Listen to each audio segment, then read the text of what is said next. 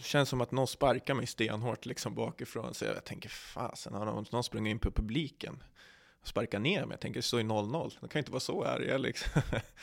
Vänder mig och står en åttaårig bollkalle bakom. Liksom. Jag tänker så här, han kan ju inte ha sparkat mig. Alltså så, så då förstod man ju ganska tydligt att det var något då som var av, så det var lite tufft.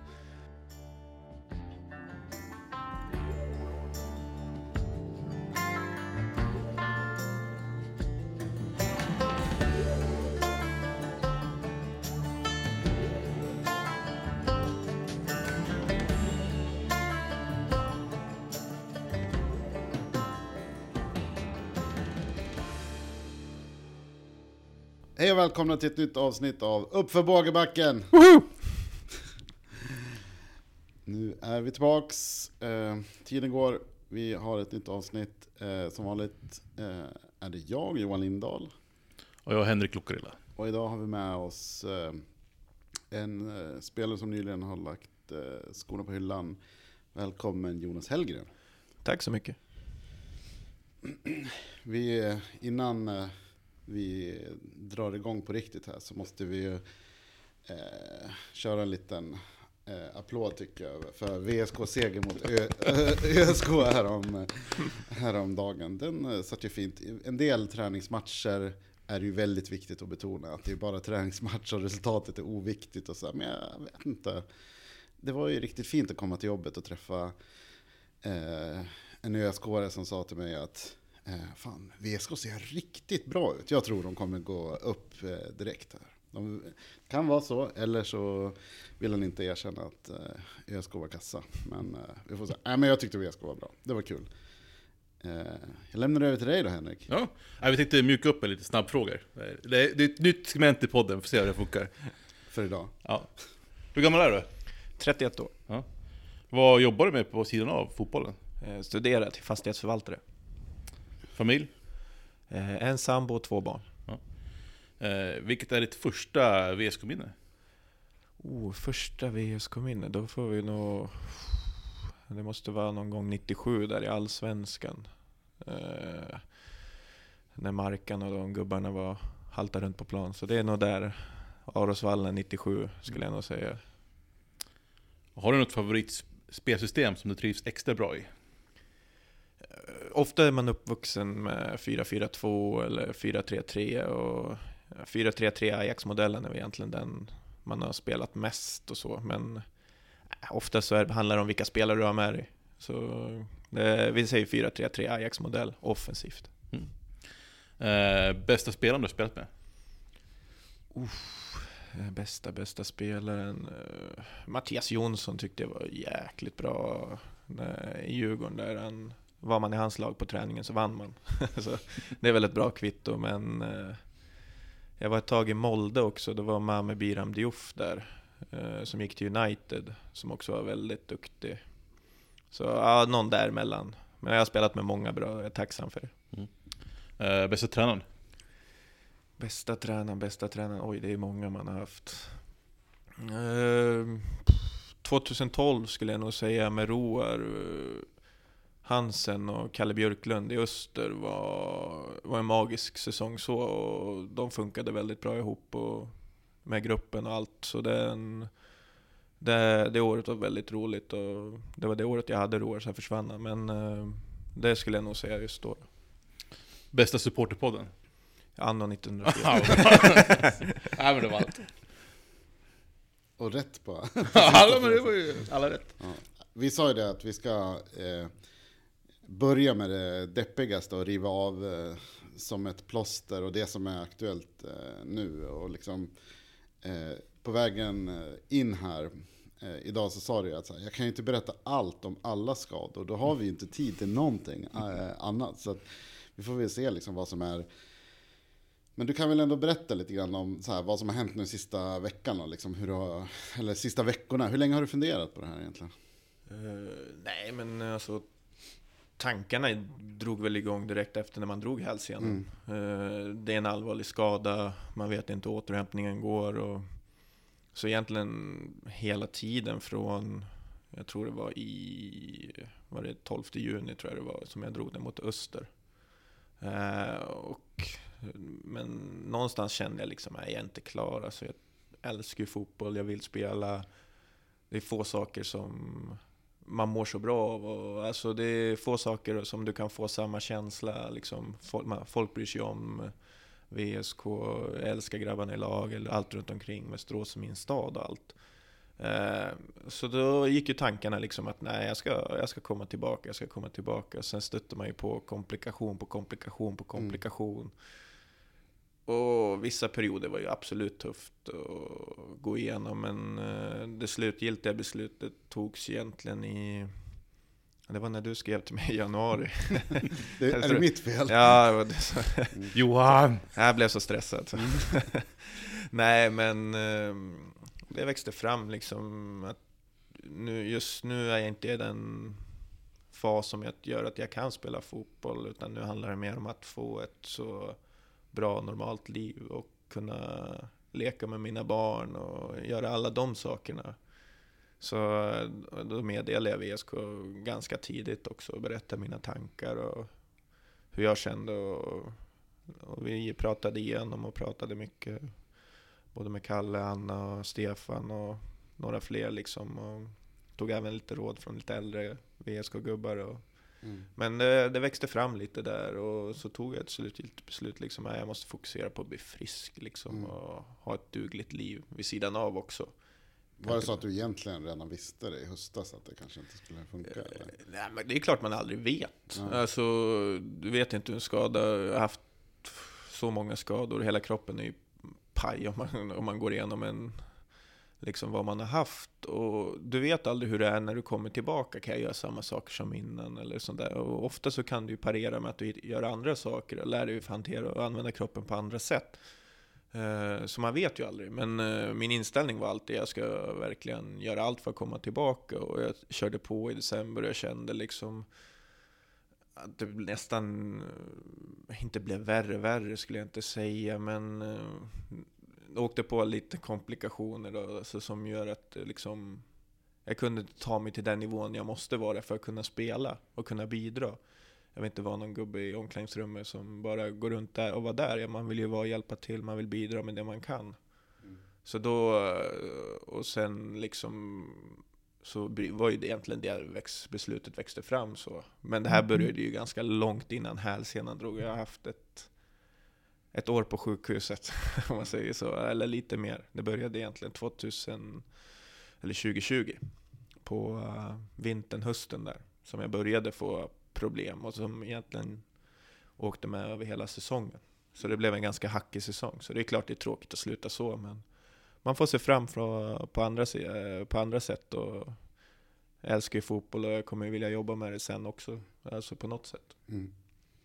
Men det, som du säger, det senaste året och så, så har du haft extrema och extremt stora eh, problem. Men hur har det varit tidigare liksom, i karriären? Jag har en bild så här, utan att liksom, ha kollat upp det exakt. Att du liksom egentligen har varit borta liksom, någon gång per säsong ändå lite grann. Så här. Är det så eh, eller? Jo, men så är det. Så är det. det började ju, jag tror jag var 14 år. Om jag ska gå skadehistoriken. Nej, men när jag var 14 år så träffade jag en läkare för jag hade jätteproblem med ryggen. Eh, en kota satt inte som den skulle och de sa liksom att nej, du ska inte spela elitidrott. Eh, och det är klart när du har hållit på med fotboll hela livet så är det ganska tråkigt att höra som 14-åring och säga att du ska sluta. Men eh, jag tränade på, byggde upp kroppen och ryggen är, har varit okej okay sedan dess. så mm men, eh, nej men absolut så är det. Det har varit någonting varje år. Det är allt från knän, fötter, brutna revben, brutna armar. Alltså baksida dragit av framsidan.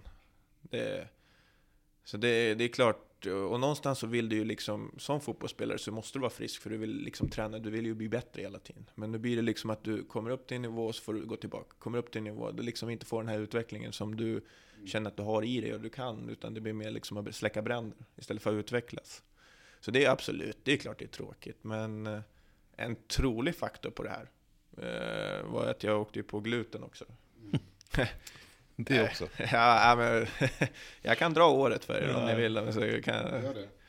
Eh, Ja, men om vi går då, tillbaks då till 2020 då, på hösten där när vi kämpade för att överleva liksom, så hade jag extrema problem med magen. Alltså, det kändes som någon knivade mig i bröstet ett tag, två, två tre veckor liksom. Och, eh, jag hade ingen aning vad det var.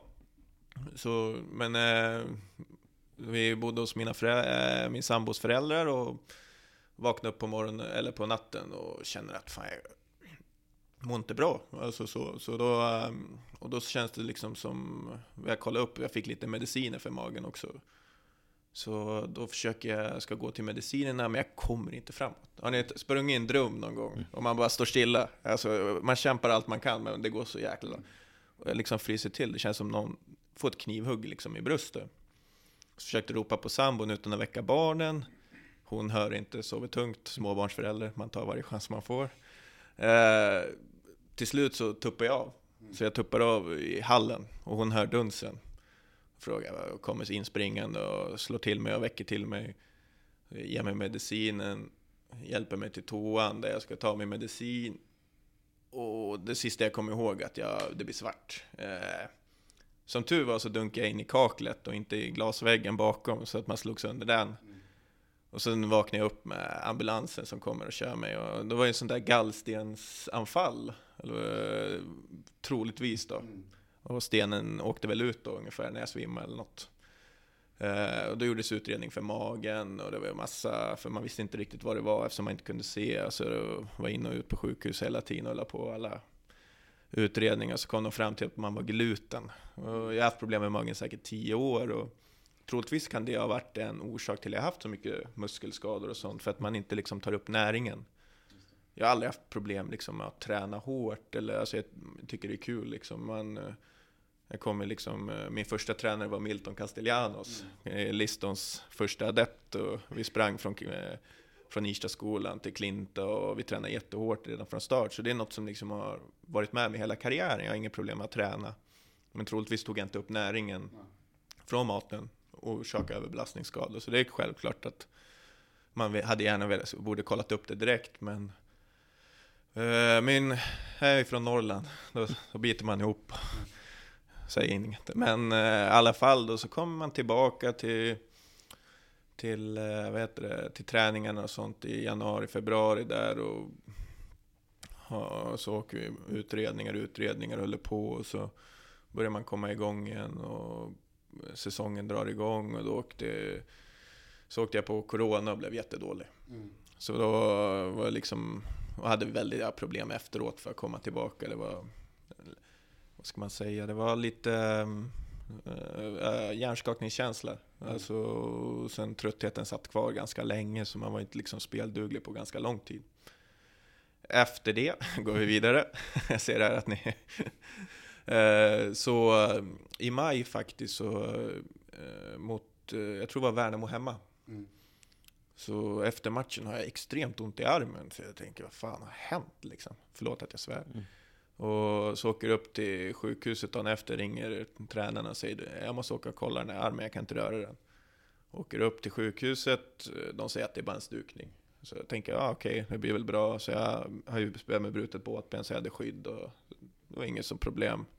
Månaden senare så drar vi hälsenan liksom och eh, matchminut 89. Det tog faktiskt typ två månader innan jag kunde se situationen när jag drog hälsenan, för jag kände att det var ganska tufft då. Jag hade precis kommit tillbaka till laget, ja. skulle liksom komma in och börja spela igen och ville visa att jag skulle ha den här platsen och alla var liksom hade haft en ganska tung period, alltså laget, så man vill ju liksom vara med och bidra och, och hjälpa grabbarna ur det. Men eh, drog, känns som att någon sparkar mig stenhårt liksom bakifrån. Så jag tänker, fasen, har någon, någon sprungit in på publiken? Sparkar ner mig? Jag tänker, det står ju 0-0. Det kan ju inte vara så arga liksom. Vänder mig och står en åttaårig bollkalle bakom. Liksom. Jag tänker så här, han kan ju inte ha sparkat mig. så, så, då förstod man ju ganska tydligt att det var något då, som var av. Så det var lite tufft. Två, två veckor senare fick vi vårt hus, ett renoveringsobjekt. Och så, så jag gick runt där och renoverade. Så det var ganska skönt faktiskt att slippa tänka på fotboll just då. Och bara gå runt och hålla på och snickra. Och, men fortfarande har jag ju väldigt ont i armen. Jag går ju på kryckor och allt sånt där. Och, så, vet du, Då går vi, vet du, så börjar jag åtta veckor tror jag, eller tio veckor. Jag hade båt, eller vad säger jag, stuven på foten. Och då går jag vet du, vidare och så säger jag till Per som är vår lagläkare, du jag har skitont i armen fortfarande, den verkar hela tiden liksom. Och, och så han säger, ja men vi kollar upp det. Så jag gjorde jag en ny röntgen och då var ju båtbenet av i armen. Och hade dragit sönder Mm. totalt för att jag har ju gått liksom på kryckor och renoverat det. Så då, två dagar efter typ jag tar av stuven så åker jag in på operation för armen. Och då börjar man känna så här, fan, nu, vad har jag gjort för, har jag varit så jävla elak i mitt liv så att få allt där. Och operationen går bra, som jag, man har ju lite ont efter en operation sådär, men sen börjar jag känna att något är fel i min arm. Alltså, det brinner. Alltså, jag har ingen känsel i armen. Så jag ringer läkaren och säger du, jag känner inte min arm utan den är bortomdad vissa delar och det, liksom, det bränner liksom i armen. Ja, och då har jag åkt på en nervskada i armen, troligtvis. Och problemet med en, liksom en nervskada är liksom, man kan inte lägga undan. Du kan inte, så när, jag, när hälsenan eh, svullnar upp, då lägger jag den i högläge och liksom, så kan man liksom få bort smärtan. Liksom så här. Men smärtan försvinner inte och jag börjar få liksom stress för jag får ingen sömn. Utan det, vart jag än har den så bara brinner det. Och man får liksom tabletter utskriva, Oxycodon och morfin och sånt där. Och det är inget som man rekommenderar liksom att ta. Och, så efter en, två månader så blir jag jag ju helt förstörd. Alltså, eh, alltså mentalt och Ja. alltså utan sömn, utan liksom Det var ganska långt ifrån allt du hade tänkt dig, liksom, att hur det skulle vara. var Liksom. Ja, alltså hälsenan i sig är ett stort problem Ja. liksom att komma tillbaka. Så sen när man får nästa och sen har du, vi har ju två barn och såklart var det högerfoten så jag kan inte köra bil. Så sambon fick ju kriga med renoveringen och ställa upp och vänner och nära och kära ställde upp och liksom. Så det är ju klart, det, det påverkar ju. Alltså, och sen utan sömn så blir man ju som en zombie, och så med morfin liksom, så blir du ju som en zombie liksom. Det, så då, då, om jag ska vara helt ärlig så mådde jag väldigt dåligt psykiskt. Alltså, det var en väldigt tuff period, alltså rakt igenom. Och vad heter det, så då får jag den här nervskadan, armen känns skit liksom. Men så, till slut så börjar den här brännande känslan försvinna så jag ändå kan få sömn och allt det här. Jag har fortfarande ingen känsel i ganska stor del av handen och armen. Hade du, fick du något stöd då, då från klubben? Eller hade du någon att prata med? Eller var det? Jo, jag hade ju möten med Anna och Stefan. Och, alltså, den responsen jag fick från när jag drog hälsenan, är från folk som jag spelat med, andra klubbar, tränare, även sådana som jag inte spelat med som har hört av sig. Så det, det är klart det värmer jättemycket supportrar och sen har jag alltid haft en familj som är nära och kära och stöttar. Så det, det har ju betytt allt, alltså under den perioden. Hade det varit för tio år sedan när man suttit i, säg, i Växjö eller någon annanstans i Stockholm själv så tror jag att då hade det varit ännu tuffare. Mm. Så är det ju absolut. Så i alla fall då är ju, vet du, i alla fall nervskadan som är ett ganska stort problem och har tyvärr fortfarande väldigt stort problem med den för att eh, frakturen inte är läkt. Eh, har mycket smärta och allt sånt där och det är väl liksom en komplikation till då, alltså som liksom satte väl mig över kanten över att Mm. känna att jag måste få ett okej liv. Så i det dagsläge jag är nu så blir det troligtvis en till operation för det har bildats liksom förhårdnader och sånt i, eh, i frakturen. Jag har två spikar, eller skruvar om man säger. Och ändå har det inte läkt, så det var väl kanske 6-7 månader, augusti, oktober, november, december, januari, februari. Så det är ett par- tag sedan. Så egentligen så såg mitt år ut liksom och det tog ett tag innan jag kunde komma ner till grabbarna i laget och allt sånt där. Jag pratade ju med dem i telefon och så många frågade hur man mådde och allt sånt men jag kände ändå när jag är i det, i det stadiet jag var så känner jag att jag ska inte komma dit och vara tjurig, ledsen utan eh, ska jag vara där ska jag vara där, stötta, hjälpa och liksom då kändes det bättre att hålla mig lite utanför tills jag mådde bättre och kunde komma ner då och försöka sprida lite energi och Mm. sånt eh, utifrån den situationen vi var i. Så då, eh, men det var skönt att komma ner, träffa grabbarna och sen se matchen när det kom lite publik. Tror det var ÖIS hemma och tog med grabb, grabbens fotbollslag och kollade. Och Vad spelar han för lag? jag kan inte säga det. Nej, vi, vi bor ju ute på, Ja, det på östra Västerås, så det är Skiljebo. Ja, men det, det, är det är okej. Men eh, han, vi har haft många, han älskar VSK. Det, ni har, de har ju han som bild där när de tar med knattarna. Det är han som eh, springer där med kepsen, som de har på hemsidan. Så, och det var ju egentligen, jag ska vara helt ärlig, så var det nästan det tuffaste att berätta att jag inte skulle spela fotboll med. För de har ju eh, varit med mig nere på arenan mycket. Mm. Och han, de älskar ju att vara där och springa runt. Och, Mm. Kurre brukar busa med dem och han får pre- prata med grabbarna och de ser ju VSK som något helt otroligt. Alltså det är ju som Manchester United. Mm. Det får man ofta frågan, vilka vinner, ni eller Manchester United?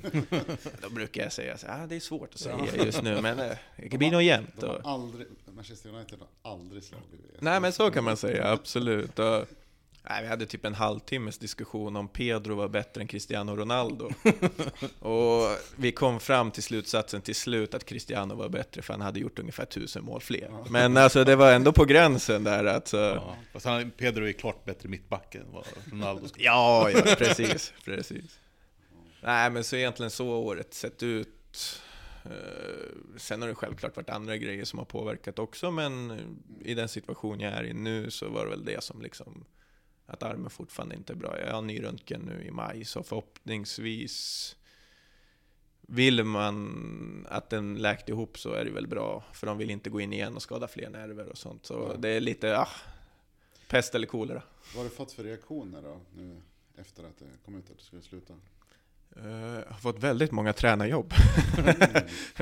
Nu får du berätta. nej, nej, nej, blir... På vilken nivå är det? Eh, ja, men det är godtycklig nivå. nej, men det är klubbar runt omkring här och sen några andra som har väl... Folk tycker väl att man har någonting vettigt att säga. Ja. Och att man har gjort något gott intryck på någon. Så, men det jag har sagt i år så är det enbart fokusera på att bli frisk och allt sånt. Men eh, nej, det har varit... Man blir glad faktiskt när man får alla meddelanden. Allt från supportrar till vänner till gamla lagkamrater, klubbar och andra lagsupportrar också faktiskt. Alltså det... Eh, ja men det berör. Det rör, berör faktiskt för ja, fotbollen berör ju Ja. många. Och, så det, det har varit väldigt tacksamt och eh, jag är väldigt glad för det. Har du någon diskussion med VSK om framtida uppgifter? jag, jag har haft eh, många möten kan man väl säga, eller många, många, ett antal möten med, från när jag blev skadad. Eh, eh, med Stefan och Anna, och Kalle och lite andra och Herman och så. Så det har diskuterats en del. Eh, Jag har sagt som jag sagt till alla, liksom att jo, jag vill bara fokusera på att bli frisk just nu. Mm. Men det har varit många olika roller. Men vad är det du kommer sakna mest om i fotbollen?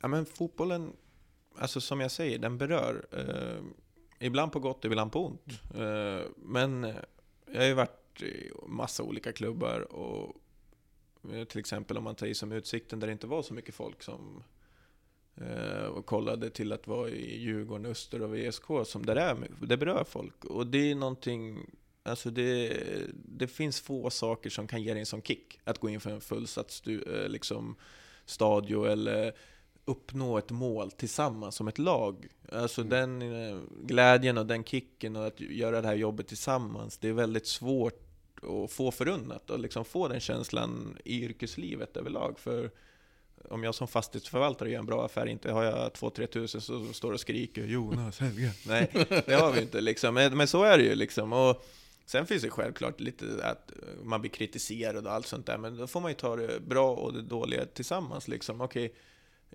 alltså det är ju samma sak för mig själv liksom. Alltså, när det går dåligt, det är klart man blir ledsen, man blir besviken och allt det där, men det är ju för att det betyder något. Mm. Och det är faktiskt underbart. Och fotboll är ju verkligen, det skapar så otroligt mycket samhörighet. Alla kommer från olika bakgrunder, supportrar och när man ser liksom, bara när jag ser mitt, mina barn liksom när de liksom pratar om VSK, liksom, för det är det, det är största grejen som finns. Liksom, när vi gick på en match och Emil Skog sköt ett hårt skott, han pratade liksom, det är tre veckor efteråt. Jag säger, jag sköt hårdare än Emil förut, men, men liksom, eh, den... eh, Det låter egentligen som på frågan vad kommer du sakna mest så är det allt. Ja, men lite så. Det är helheten. Ehm, Alltså, det är svårt alltså, att spela, säg Hammarby borta eller en premiär i VSK. Jag spelade eh, första matchen på Myrsjöhus Arena mot Värnamo med Öster. Var 13 000 och helt tifo. Ola Salo kom, eh, kom in och sa ni, ni är mina idoler. Då tänkte jag bara nej, du vet inte vem jag är. Men alltså det är många minnen och samma sak liksom. Det, man får ju också många vänner för livet. Alltså, har många olika klubbar jag varit i som jag har kontakt med än, än idag. Och, man får uppleva många saker, så det är faktiskt det är väldigt häftigt. Mm. Nu tänkte jag att vi gör ett sånt här eh, eh, hopp Mm. tillbaks. Eh, vi börjar om från början helt enkelt. Eh, och eh, eh, du körde ju en sväng i, alltså, eh, om man ska gå tillbaks då till lite mer i början av din karriär så var det alltså, du, du nämnt eh, Djurgården och lite allt möjligt här nu. Sånt som liksom är väldigt tidigt, om ens liksom på senior. Jag har inte helt kläm på de där första åren. Det var ju en sväng 2006 i akademin i, i VSK. Så tror jag att du, eh, 2000, eh, jag kan ta det, jag kan Börja- ta det därifrån. ja, jag kan börja. jag börjar i Irsta då, eller Ja. jag börjar faktiskt i IFK Västerås. ja, Ja, förlåt. det sånt där du, Herregud, det kommer fram vad ena skandalen Ja, jag vet, jag känner det nu. Nej, men grannens, eh, grannens mamma var tränare och tog med mig. Så vi, jag spelade ett år innan det, laget eh, lades ner. Eh, så då gick jag till Irsta. Eh, var Göran Svensson, Krick och Milton Castellano som var Mm. tränare där. Och det var hårda skolan, det var mycket träningar. Vi var extremt framgångsrika, fick fram eh, många, alltså sju man, Irsta är ganska litet, men vi hade sju lag som var topp, topp i Sverige. Det var inbjudningsturneringar och slog Hammarby, Djurgården med så här 3-4-0. Vi brukade alltid förlora mot BP med Albin Ekdal mm, med något mål. Så det var liksom ärkerivalen och sånt, om man säger så. Men eh, eh, sedan eh, så flyttade vi. Eh, jag är uppvuxen på Bjurhovda. Så vi flyttade mot Brottberga vid Västerås golfbana. Det blev lite väl långt att ta sig till Klinta. Så då började jag spela i Gideonsberg. Med Brandeborn, John Eriksson och David Engström. Många andra som tog steget till VSK. För vårt lag blev första akademilaget där. På det. Vintern, ja, det var, kom, beslutades runt 2005 tror jag. Och när vi kom till VSK så fick jag möjligheten att träna med A-laget. Eh, och det var ju asstort. Fan. Alltså, Mm. stod, gick in där på Arosvallen, stod Johan Svensson och Markan. Och Markan brukar alltid träna i joggingskor. så här, och var ändå otrolig. Och Jonas Stark och så var ju Damir som spelade med min bror, Mm. som jag har känt liksom hela livet. Boris var där, Temme. Så det var extremt stort. Jag kommer ihåg faktiskt fortfarande den första träningen när jag klev in där. Jag var så jäkla nervös. Alltså det, ja, men, som så hur gammal var du då? För du född, 15. ja precis, du född 91. Mm. Så då, eh, jag minns fortfarande första träningen när jag kom in där. Och man var liksom, det var så stort liksom. Att VSK, Mm. man hade ju varit på vallen året innan och kollat. Och första träningen inne i plåthallen så kommer jag ihåg min första touch och flyga in typ i väggen av Jonas Stark, 100 kilo. och så vaknar jag upp liksom och ser Johan Svensson stå ovanför mig och bara släpp bollen i tid. Jag bara oj. så, då heter det, vet, det var jättestort och Sören tog hand om mig väl där och eh, så var det handsken. Och, så det var jättelärorikt. Eh, alltså jättekul att få den chansen och för att hinna spela med dem, som man har sett upp till och allt sånt där. Så det var jättestort. Trycker du till juniorerna när de kommer också? Nej, jag är inte så elak. Eh, kanske var lite mer förr, men nu är jag för gammal. Vad hände sen då innan, för du kom ju, det tog några år innan du liksom kom tillbaks. Ja, eh, jag gjorde blev värvad av Djurgården där på Mm. sommaren. Eh, tyvärr blev det väl kanske lite tråkigt avslut eh, så, men det blev ett beslut att jag gick till Djurgården på sommaren där och blev värvad dit. Eh, var i juniorlaget eh, något år och så var man väl uppe och tränade med A-laget och har faktiskt en tyvärr ganska dålig debut där i A-laget. Mm. um, var med Sigge Jonsson och Paul Lindholm, tror det var 2007. Vi mötte Frej på sommaren.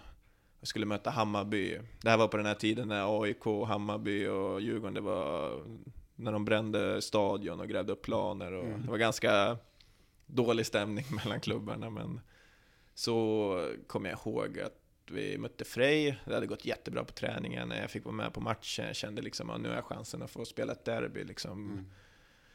Och tanten som har kiosken där tydligen, hon brukar alltid ringa runt. För ofta så brukar de inte berätta att man spelar, alltså sådana här hemliga matcher lite så här, Mm, de, på den tiden då. För För det var, Undvika Ja men det kunde bli stök. kom, ja, stök och så, men hon ringde alltid runt för hon ville ju sälja choklad och Ja. kaffe och allt sånt där. Så hon ringde runt till supporterna, så det var ju säkert en tusen, ett och fem eller något sånt där.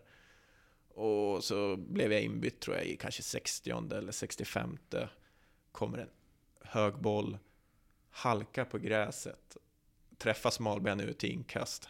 Och det enda jag hör när jag ligger där från läktaren bara Vart fan har ni hittat den här kalven? jag bara nej. så det blev ingen debut. så var jag i Djurgården då fram till 2009 då. Men då var jag utlånad till Skellefteå. Jag, Rasmus Lindqvist och André Kalisir. Åkte upp till Norrland och blev skoterägare.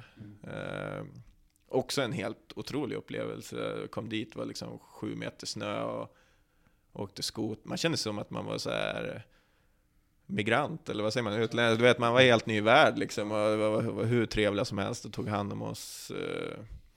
Men eh, vi åkte ur det året. Eh, Jag tror inte jag spelade någon match mot VSK. Jag åkte på även lite skador där. Spelar ingen roll med att det var bra luft uppe i Norrland, jag blev skadad ändå. Sen 2009 därefter så var jag, ja, jag var nästan så gott som klar för Molde. Mm. Eh, jag var uppe där och spelade Copa del Sol och det var, kom- var mot FCK Kalmar och Shakhtar tror jag eller något sånt där. Och, eh, sen har de, eftersom de inte är med i EU, eh, så, så, så har de ju en sån där utlänningskvot. Mm. Så de fick en skada och så tog de in en annan utlänning och ville ha mig i, jag tror det är Kristiansand eller Kristiansund där uppe, eh, som var typ som ett division 1-lag. Och var lite som mellan, men då kände jag nej, jag tänker jag åker inte till fjorden uppe i Norge, där. Eh, så då kom jag hem. Eh, jag pratade faktiskt med VSK där efter 2009. Eh, Men eftersom vi hade ett, just tyvärr då ett dåligt avslut så var det väl inte riktigt Nej. aktuellt då. På vilket sätt var det ett dåligt avslut om man ska säga något kort om det? nej, men det var väl, eh, vi kom inte överens, jag och ordföranden Nej. som var så. Det var lite tråkigt tyckte jag, för att det som skrevs var inte sant. Och det gav också en ganska tuff start i VSK sen när jag kom tillbaka. Och det tyckte jag? Nej men det var väl att jag krävde en massa pengar för A-lagskontrakt och sånt. Och jag satt ju på möte med Sören, jag och Sören och min pappa. Och det enda vi pratade om liksom, finns det någon möjlighet att jag kan komma upp eller hur ser ni? Och han var jättepositiv, för jag har jättebra kontakt med Sören. Alltså, han var i Norrköping, Mm. så man stötte ju på honom där i akademin, U21 och B-lag och allt sånt. Och det egentligen var det enda. Och så var det lite att de ville, det var med kontrakt och sånt. Och det är ju sånt som händer tyvärr, men det kändes tufft då som 16, 17, alltså 16 15-åring och, man, och jag älskar ju VSK liksom, så det var ju jättetråkigt. Men och då, 2009 då, eller det 2000 blev inte VSK, nej. det blev Dalkurd då? då, ja precis, jag kom hem från, jag skadade knät sista träningen Mm. nere i Copa del Sol där 2010. Så kom till mars och då hade min gamla tränare i Djurgården gått till Dalkurd, eh, Lasse Eriksson. Också jättetrevlig, alltså jättefin människa och jag tyckte verkligen om honom. Och då sa han, men kom till Dalkurd liksom, kom och spela här. Och, så det var lite så halvdålig liksom start där. Jag spelade några matcher och var lite inhoppare och trivdes inte riktigt i Borlänge. Inte i laget, de var Det underbara. ingen som trivs i Borlänge, du behöver inte skämmas Nej, för det. men jag trivdes i laget men inte liksom allt. Eftersom man varken spelade och kände jag, då hörde hans, eh, handsken av sig och sa men kom hem till Västerås och spela här. Och det var ju lite kontroversiellt liksom. alla var inte jätteglada. Liksom. Man var väl en squashvärvning som man kallade så. Men vad minns du av hur du själv kände när du kom då? Jag kände ju många grabbar i laget, Mm. så... Eh, Så du tyckte det, kändes, det var rätt för dig liksom? ja, men jag, man kände väl någonstans att man behövde börja om. Liksom, Mm. alltså, få lite energi, vara hemma, liksom, tryggheten och allt sånt där.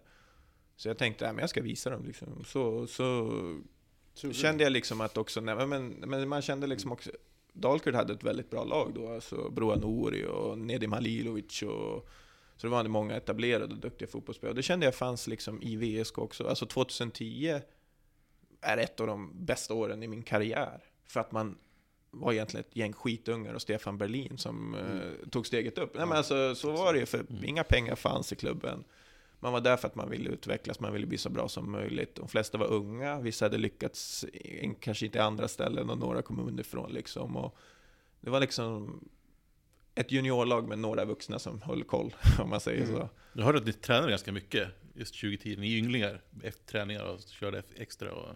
Ja, jag hamnade ju i gruppen där med Mackan, OP och Robin och eh, jag körde ofta kort med straff. Mm. Så man blev kvar väldigt länge och hade otroliga axlar där ett tag med. Nej men vi, det, var, det var en miljö som skapades av spelarna och alla runt omkring. eh, För att bli bättre helt enkelt. Man vill ju bli bättre och då tränar man. Och, alltså det är det som krävs om man kollar på vilken konkurrens som finns inom fotbollen. Och att liksom uppnå det målet tillsammans som vi gjorde där alla var delaktiga liksom, till att ta steget upp. Och självklart vill jag själv bevisa, liksom, jag fick en bra start i klubben och gjorde en del mål och spelade anfallare. Det är mycket roligare att vara anfallare än bakåt, bara så alla vet. Vi är inte försvarare. De brukar, när man blir äldre så brukar de dra en tillbaka hela tiden, så man slutar man som mittback. Så- om du hade gjort tre år till nu, då hade det varit mittback? då? Ja, Libro kanske. Ja. så nej men det var ett av de bästa åren och många har jag ju kontakt med fortfarande. Och det var, nej men det var ett väldigt roligt år faktiskt att, eh, att vinna den serien när ingen tror på en och liksom motbevisa folk. Och jag tror även många runt omkring eh, tyckte också det. Du sa inte det själv nu, men det blev ju succé. Du gjorde väl nio mål tror jag, de här. Alltså från, och du spelar bara då? Jag Som tror jag spelade eftersom- 13 matcher, för Ja, jag tror division precis. 1 var... Ja, men precis. Ja, men jag hade en bra start. Ja. Alltså, så det, man kanske väl var den sista pusselbiten som saknades just då i ett Mm. välfungerande lag. Och det är lätt att prestera när laget går bra också. Mm. Men, eh, och sen så hängde du med eh, laget upp i Superettan. Vad minns du av Superettan-säsongen 2011? Uh, jo, jo, vi tränade extremt mycket, kommer jag ihåg. Efter vi, efter vi hade vunnit serien så låg vi runt nio pass i veckan, november, december. Jag tror vi fick ledigt här, jul, julafton, juldagen, sen tränade vi igen och så var det typ 2 januari. Och sen kommer jag ihåg att Kalle kom in i mars och sa grabbar nu släpper vi lite på träning, det blir åtta pass. "Oh." och det här var ju ingen som hade lön eller sånt, vissa Nej. jobbade, jag kommer ihåg själv, jag jobbade extra lite på ICA-grytan och det var liksom till träning, eh, träna fram till lunch, käka lunch, sen började jag på jobbet 12 till 4, träning igen på eftermiddagen och sen 7 till 10 stängning. Så det är klart man, det var lite svårt att få det att gå runt. Jag bodde ju hemma och det gjorde ju de flesta i laget. Ja. Alltså det var ju så. Var, många var ju härifrån stan och det är ju en stor fördel om man säger så under sådana perioder när det inte fanns. Så tyvärr hade vi väldigt mycket skador. Eh, alltså av de lag 2010-2011 så det är, ett, det är nog det absolut eh, mest talangfulla lag. Och det tycker jag man ser på vart folk har gått efteråt och hur många som fick fina karriärer och så. Så tycker jag att det är synd att man inte kunde hålla sig kvar, för jag är nästan säker, jag kan säga att jag är säker, för ingen kommer veta ändå, eh, att vi hade haft en allsvensk klubb liksom i Västerås, men väldigt många spelare härifrån också som bryr sig om klubben. Och så.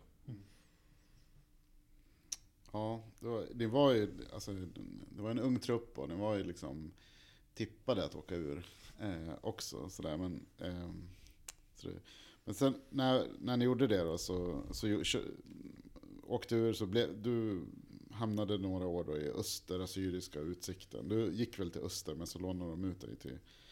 I vilken av de där tre klubbarna trivdes du bäst då? Eh, Alltså, det, alla klubbar har sin charm. Mm. Alltså, så, det är bara att det är olika på... Alltså Öster är en väldigt anrik förening. Mm. Eh, man, jag kom dit, de hade varit, eh, tror de kom fyra året innan och kom dit som egentligen deras ja, stora värvning det året. Alltså, Mm. och det året var ganska otroligt, eh, för jag tror vi hade 14 segrar en oavgjord på våren. Jag hade typ så här 13 poäng ner till BP och 15 till Halmstad, så det var egentligen klart att gå upp. Och det var väldigt, var ett väldigt roligt år. Det kändes som allt bara rullade på.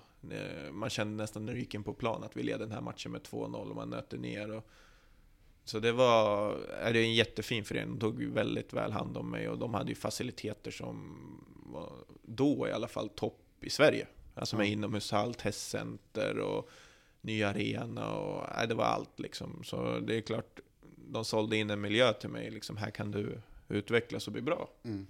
Och det betydde mycket, precis som det gör här, för många, många där är ju äldre Östersupportrar. Det är ju Svensson-klanen och, och de har ju haft stora framgångar och det berörde väldigt många. Jag tror det var säkert 5-7 tusen på torget där när vi gick upp. Så det, det var en väldigt häftig känsla att bidra till det. Ja, få vara med och uppleva det Mm. också. Vad är eh, största skillnaden mellan eh, Jonas Hellgren 2010 och eh, 2020? Eh, 2010 hade jag garanterat en friskare kropp. Eh, det kan jag ju säga. Eh, nej men så är det ju absolut. Jag kunde göra saker 2010 som jag... eh, nej, jag har inte möjligheten att göra idag. Och någonstans har man väl fått ändra på sin spelstil och allting sånt. Så, men eh, eh, Jon- 20, 20, 2022, eller vad man säger, Jonas Hellgren är ju mycket smartare än 2010. För han var lite dum, det kan vi säga. När du värvades tillbaka till VSK 2016 presenterades ju då också som en av liksom klubbens stora eh, nyförvärv. Eh, och, så här. och då, var det då du eh, tvingades ner från som anfallare till mittfältare? Eller hade du liksom så här hoppat lite däremellan redan? Nej, alltså eftersom jag, eller var, eh, var allround, Ja. så har man spelat på många positioner. Man får Mm. täcka upp där det behövs och liksom göra det för laget. Och eh, 2016, nej, det var det var, det var, det var, det var som mittfältare jag Ja, kom. Eh, Så det kändes, alltså det var mycket, det var kul att komma tillbaks. Vi skulle precis få min första son och det andades eh, mycket positivt kring VSK. Man hade klarat sig där 2015 och man hade ett bra lag, en tunn trupp, men ett bra lag med Oliver och Karvan och Filip liksom och så. Det fanns, eh, man kände liksom att det finns en resa att göra här också och samtidigt som det är ens hem och det är en trygghet och allt sånt. Så då kände jag liksom att eh, jag hade klubbar liksom att gå till men VSK var liksom nummer ett. Kan vi lösa det här? Och då fick jag hjälp med jobb av eh, Markan på Kids och, så man liksom får det att gå runt också. Var det allt det här liksom eh, hypen liksom runt eh, Vigge-pengar och eh, Mjällby och allt sånt där som övertygade dig liksom då? Och tillbaks, eller? Nej, Mjällby tror jag inte hade skrivit på när jag hade skrivit på. Nej. De hade varit på mig ganska. De så alltså- presenterat honom så lite på låtsas. Då Jag kommer ihåg så. att han kom in, jag tror vi mötte Dalkurd Ja. borta, så bara klev han in med utsvängda jeans och en sån här munk, eh, vad heter det? En sån här stor rastamössa. Eh, Men eh, nej, det var... Uh, hypen skulle jag nog säga. Jag vet inte om Vigge-pengarna eller något som det hade varit på betal eller något sånt. Utan det var mer liksom att det... Det var man du som var hade- startskottet för hypen helt enkelt. Nej, det Först tror jag inte. Det tror jag inte. Det, nej, men det var mer liksom den här känslan att det finns någonting här. Det Mm. finns liksom alltså möjligheter att göra någonting bra och många killar som också jag kände sedan Mm. innan. och- Så det, nej, men det var kul alltså att komma tillbaks. Och sen självklart tycker jag att vi kunde presterat bättre än då- det vi gjorde 2016. Vi hade mycket skador och tunn trupp och det, är svårt. eh, Mm. det är svårt faktiskt. Man måste ha några spelare friska tror jag för att liksom ta det där steget upp. Om du har en tunn trupp. Mm. Och det, tyvärr fick vi VSK-syndromet att få mycket skador. Eh, Va, men vad är det för, eller är det så då? Varför?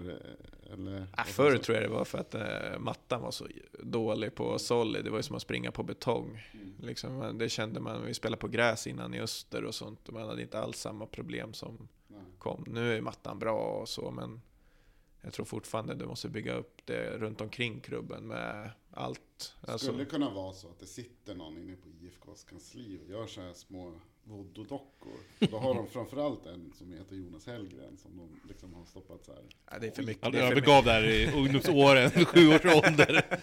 En- Ja, det kanske det är så. Den, Det den, den voodoo-dockan Den voodoo-dockan har nog många nålar i sig just nu känner jag. Men eh, 2018 när, när vi gick upp där, då, då var det ju en av de säsonger du spelade allra mest. Eh, Tycker du att det är en av dina bästa säsonger, eller har du någon annan favoritsäsong som du tycker du har gjort? Det är alltid svårt att jämföra säsonger. Du har olika roller, eh, allt sånt. Eh, 2018 det var inte samma glädje över att gå upp som det var 2010, för det var oväntat, ingen trodde på en. 2018 var bara, ni ska gå upp. Och det liksom, du hade värvat dit Emir, Iller, Carlos och ah, alla var kvar. Och liksom, det var liksom, Anton kom, Kalle... Och det var liksom så här, mer en lättnadskänsla. Okej, vi klarar det. Ja, det var det för oss också. Ja, ja, men, ja, men lite så var det. Och jag tror det tog väl typ så här sju, åtta matcher innan vi släppte in ett mål. Och Tor-Arne var jätteduktig med liksom detaljer. Just där, det var 17,5 meter mellan där och, och liksom den delen. eh, Samtidigt som vi kanske inte presterade som vi ville framåt. Men vi hade så pass mycket bättre lag Mm. än de andra att vi gjorde att vi tog steget upp då. Alltså tror jag. Eh, vi har ju skrivit det här på Anno en hel del om agenter och dess inflytande på fotbollsklubbar idag. Var det så där, när du började din karriär också, att det var mycket agentgrejer? Men är det någonting som växte större och större här? Eh, ja, men jag tror absolut det. Det, det är en stor skillnad från början. Alltså från när jag var ung och hur det är nu. Ehm, jag har ehm, själv haft agent och allt sånt där och allt vad det innebär. Men just nu känns det som att det är eh, mer och mer sånt som styr. Och unga tänker mer på vart man kanske går sen istället för att tänka på att du ska bli så bra som du bara kan bli och utvecklas här och fokusera på det du själv kan påverka. Att man kanske har tankarna lite på annat håll. Ehm, så det tycker jag är en stor skillnad. Jag kommer ihåg när Christian Kaker hade Patrik Mörk när vi var, så fick, då ringde han mig och tänkte, ja, för jag hade pratat med Mörk innan. Och då ringde han, du kan du åka med Christian till sjukhuset och fixa hans läkarintyg? Tänkte jag, ja, vill du inte ha mig? Nej men eh, så det var ju mycket mindre, alltså det är väldigt fåtal kontakt med agenter då kontra nu tror jag. Nu kommer nästan juniorer upp med agenter och så var det inte riktigt förr. Mm-hmm. Eh, det är ju framförallt under det här Askebrands tid som tränare som det har varit en diskussion här i VSK. Förut en diskussion mellan er spelare, eller får man inte prata om sånt? Nej, eh, det, var, det är självklart att det pratas inom eh, laget så. Alltså du pratar om olika saker. eh, Men det är väl, vi har gått, han har väl gått vidare och får se framåt. Um, du har ju haft eh, en lång karriär och spelat mot många lag. Är det någon av motståndarnas arenor som du tycker är extra bra eller dåligt om? Har du någon sån här hatarena? Alltså Ängelholm borta är ju det, alltså det är bland det tråkigaste som finns. Det är bara ett fält, eh, det blåser alltid. Och när de var uppe i Superettan så var de faktiskt ganska bra. så det var liksom, allt var emot den, det var ingen publik och så. Sen, eh, bäst är alltid när det är fullsatt hemma. Det, Så är det ju. Men eh, självklart så är det är vissa arenor man minns. Det är, jag spelade på gamla Söderstadion, det var lite kult och Tele2 och sådana där. Och det är fina arenor. Så nej, men vi säger eh, Solid Park, eller vad heter den? Iver, ja. Iver. Men du, du har ju rest förmodligen hela landet med buss. Har du någon sån här rolig reseanekdot eller? Ja, det har man inte som jag kan bara tänka. Och inte som man kan berätta. Men nej, man har varit med om allt möjligt. Eh, eh, någon gång vet jag att busschauffören somnade när vi var mitt ute i skogen. Så var det materialare vi hade då i Öster, hoppade fram och tog ratten. Då var, satt man ju vaken där resten av resan. Svårt att slappna av. Ja, Ja. Eh, Känner du att du har haft någon nytta av fotbollen i din civil, civila karriär- karriär? Ja men absolut, absolut. Eh, Jag tror mycket av det som eh, du har inom elitidrott och jobba i grupp, jobba mot mål och skapa rutiner och allt sånt. Om vi säger så här då. eh, För att bli bra i fotboll så måste du lägga ner tid. Alltså det är A och O liksom. Du, du kan säga att du har världens talang, men du kommer inte komma hela vägen om du inte lägger ner tiden för att bli så bra. Du måste brinna för det, du måste tycka om det, du måste göra det här extra. Och Eh, det tror jag man kan applicera på yrkeslivet också. Och det har man märkt också att det är attraktivt med elitfotbollsspelare så för att du har mycket press på dig. Du ska prestera, det är ett resultatinriktat och du ska jobba i grupp. Du är beroende av andra. Hur får vi det här att fungera ihop? Så den delen är absolut finns jättemånga delar att ta av eh, som jag känner att man har nytta av eh, i livet. Mm. Vi har ju en hel del talanger på väg upp nu. Vi har ju Alex Lindelöf, Max Larsson och så vidare. Vad- Vad är ditt bästa och viktigaste råd till de här killarna som kommer nu då? Det är faktiskt jättekul att de här killarna kommer upp. Jag har ju sett dem nu typ två år uppe på Bellevue där de har tränat extra. Och de har, det, är det, det är jäkligt roligt att se att de får den framgången de för, får. Eh, eh, Alex, Max, eh, Patrik, Anders, Ville, de här. Det jobbet de lägger ner för att kunna bli så bra de bara kan bli. Sen är det så kanske inte så att alla lyckas eller blir så eh, in, i VSK eller lyckas i andra klubbar och så, men de kan ändå se sig själv i spegeln tror jag, liksom när deras karriär är över, att jag gjorde allt för att bli så bra som jag bara kan bli. Och det är jättekul att se de här och jag tror de är på god väg. Alltså att det som är svårt oftast när du är ung och så, att man vill ha så bråttom och börja fokusera på liksom vad som händer i framtiden, utan bara fokusera på nuet och i dagen. Att okej, idag ska jag bli bättre än vad jag var igår, hur gör jag då? Okej, kan jag äta bättre? Kan jag sova bättre? Kan jag återhämta mig bättre? Hur gör jag för att få varje pass så kvalitativt som möjligt? Och hela den här delen tror jag liksom, det handlar om att skapa rutiner. Och jag har haft en väldigt stor fördel, tror jag, eller en otrolig, jag är otroligt tacksam eftersom min far har lyckats med det han har gjort. Han, han spelar handboll och man har fått träffa otroligt många människor som har lyckats. Och liksom, det är inte säkert att du lyckas, men du gör allt du kan. Du får vara redo när chansen kommer. Och när man träffar de här som har lyckats väldigt, väldigt bra i sina liv, både i yrkeslivet eh, eller i idrotten, så ser man likheter mellan de här. Och du ser liksom vad det krävs för att ta dig till den nivå som krävs för att lyckas. Liksom, jag kommer ihåg, jag vet inte om det var någon landslagssamling eller när de berättade hur många som kan leva på sin fotboll. Från min årgång då som var 1990. Som, när du, från de som startade spela fotboll, alltså alla som har spelat fotboll i min årskull, så var det liksom så här 0,02 procent. Och då är det som kan leva i superettan, allsvenskan, inte de som går till Europa. Och det ser man, alltså det är en otrolig konkurrens. Alltså fotboll är världens största idrott och då måste man göra allt man kan. Och poletten trillar ner olika, olika tidpunkter hos olika människor. Vissa får det väldigt tidigt. Vigge kan vi ta som exempel. Liksom. Och det är ganska underbart att Vigge har varit i VSK och gått den väg de går. Och visar att okej, du kan spela i VSK och ta dig till Manchester United. Så liksom, det finns. Chansen finns. Och det, det är väldigt intressant. Mm. Det är hårt jobb som krävs liksom. Det, och Ja, du måste- du- motiverad. Ja, men du måste älska det du gör. Alltså, det är inte kul att gå ut och träna extra varje gång du är ute och springa eller göra allt som krävs. Och du måste, det måste komma inifrån. Du kan, du kan ha världens bästa team, men du måste brinna för det. Det kan vi säga. Och brinner du för det, då kommer du engagera i det. Du kommer bry dig om det. Du kommer vilja utvecklas. Okej. Och så hittar man sin väg. Och du kan se liksom, ta råd från de som liksom, det jag ska, om jag bara tar en, en eh, från mig själv. Så Johan Svensson kom att passa på rätt fot. Ja, men jag tänkte, ja, fan den är ju på dig. alltså, men det handlar om att skapa tid också för sina medspelare. Och det, här, bara, det är de här små detaljerna som avgör om du lyckas eller inte. Varför kan VSK slå Malmö FF i Svenska Cupen? Jo, men de kanske inte har sin bästa match.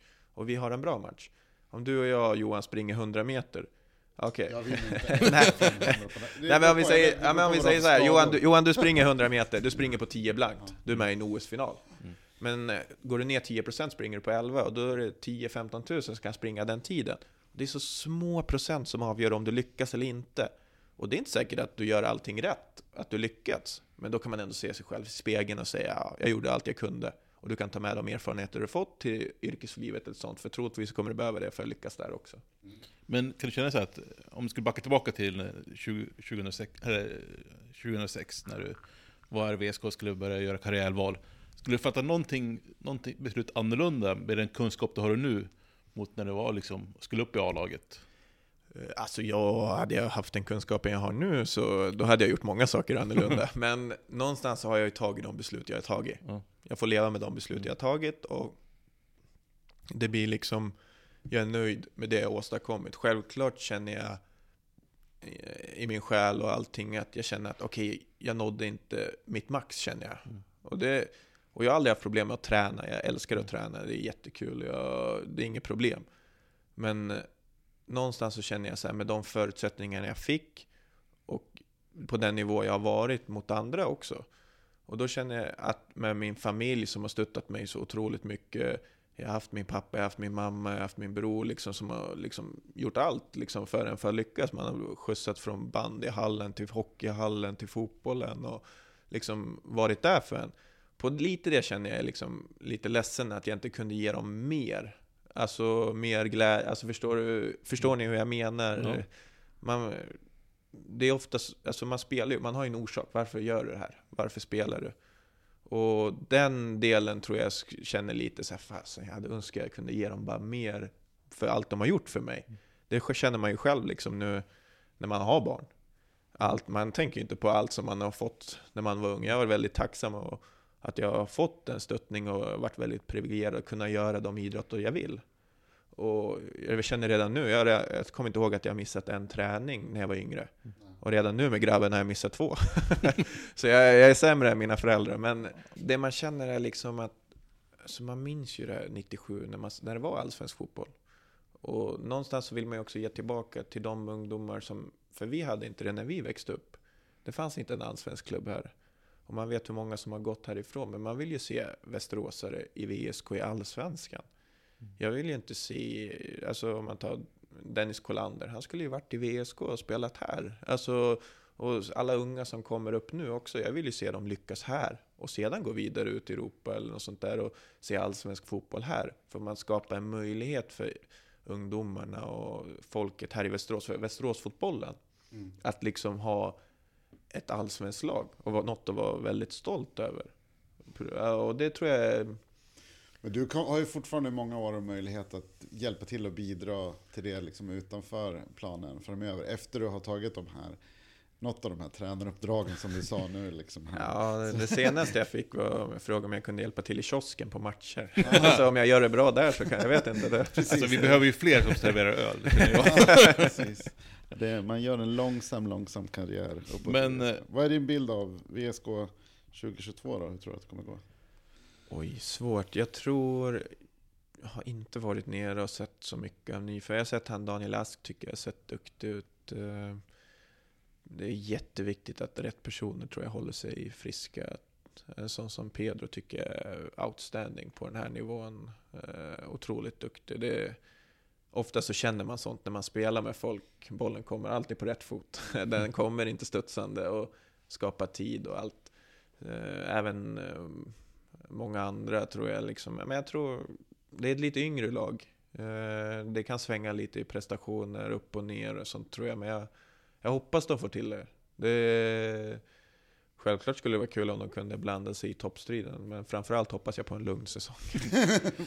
Ja, det hoppas vi alltid på. Ja, men jag kände det förra året när, när jag gick på matcher. Alltså man mår så dåligt vid sidan av. Alltså det är hemskt. Alltså det är mycket värre än på, att vara på plan. För då tänker man inte på det. Men man mår ju bara dåligt under matcherna. Och sen blir det en skön lättnadskänsla om det blir vinst. Ja, att man kan leda med 2-0 och ändå vara orolig, det är ganska otroligt. Ja, jag, det var, vad heter det, vi var, ja men det var ÖIS-matchen så var jag med eh, sonen där och sen blev han kissnödig i matchminut 75 och jag tänkte det är lugnt. Mm. Så kom vi hem och så satte jag på och så stod det 2-1 och så blev det 2-2 och jag bara nej men vad Nej, men, det, det, men det är också det är underbart att det berör. Det, det är en väldigt fin känsla. Det, vi ska väl, vi har ju inte eh, haft så många framgångar om man säger. Vi är, man är lite hårdhudad och så, men för, då blir ju framgången ännu mer söt. Mm-hmm. Har du några fler eh, eh berättelser om dina lagkamrater och resor och anekdoter och upptåg som du känner att du måste passa på att att berätta här nu? Någonting, vi frågade ju dig igår, så jag, in, jag inbillar mig att du har kommit på någonting som du tänkt. An, antingen så tänkte du det där ska jag inte berätta, eller så tänkte du det där borde jag berätta. Och vi vill höra det du inte tänkte Ja. berätta. Ja, ja, det är ju många historier. Många som man inte riktigt kan berätta. Men det är klart vi kan berätta några. Jag vet ju att Bissen lyssnar på det här, så man får väl dra en om han är... Jag minns en Cooper-test där han har alltså en spurttävling för att komma före Simon Lundevall, som ändå blev allsvenskans typ MVP där något år. Men Simons ta- tar han med en nos. Det, och det var även samma år när Christian Kaker sprang ett varv runt plan, sen la han sig ner och så kom han på nästa. så det, och sen har man ju en, en del om er supportrar också. Ja, kör en måste. Ja, den, jag fick kritik en gång som jag kände att den var lite oförtjänt faktiskt. Det var, det var året i Superettan 2011. Då, jag spelade första matchen mot Åtvid, sen fick jag ljumskbrock eller vad det heter, och sånt med på ljumskarna. Så sitter jag på läktaren och så hör jag på sittplats då, så hör jag bakom mig. Men för fan, ge oss någonting då Hellgren. Så då tror han alltså att jag är på plan och klagar på mig. Då kände jag så här, då kollar jag upp liksom, ska jag ens berätta att Jag sitter här. Ja. ja, visst. Ja, det kanske var så. Jag såg bilderna från eh, Jäverts mål mot ÖSK här nu, att han hade Videhult, eh, Videhults matchtröja på sig. Mm. Det, kan, det blir så här, då kan man vara lite, var det verkligen Jäverts första mål? Ja, men ett stort tack Jonas för, att du, för, allt du har gjort för klubben och VSK. Det har ju varit en otrolig resa sedan du kom tillbaka till 2016. Det har ju hänt mycket i klubben sedan dess. Liksom att, eh, och, eh, jag tror att vi är ganska många som ser dig som en av de här stora VSK-ikonerna som har varit i klubben. Vi har inte haft så många ikoner de senaste åren, men du är ju en av de som gjort störst avtryck i VSK de senaste tio åren. Och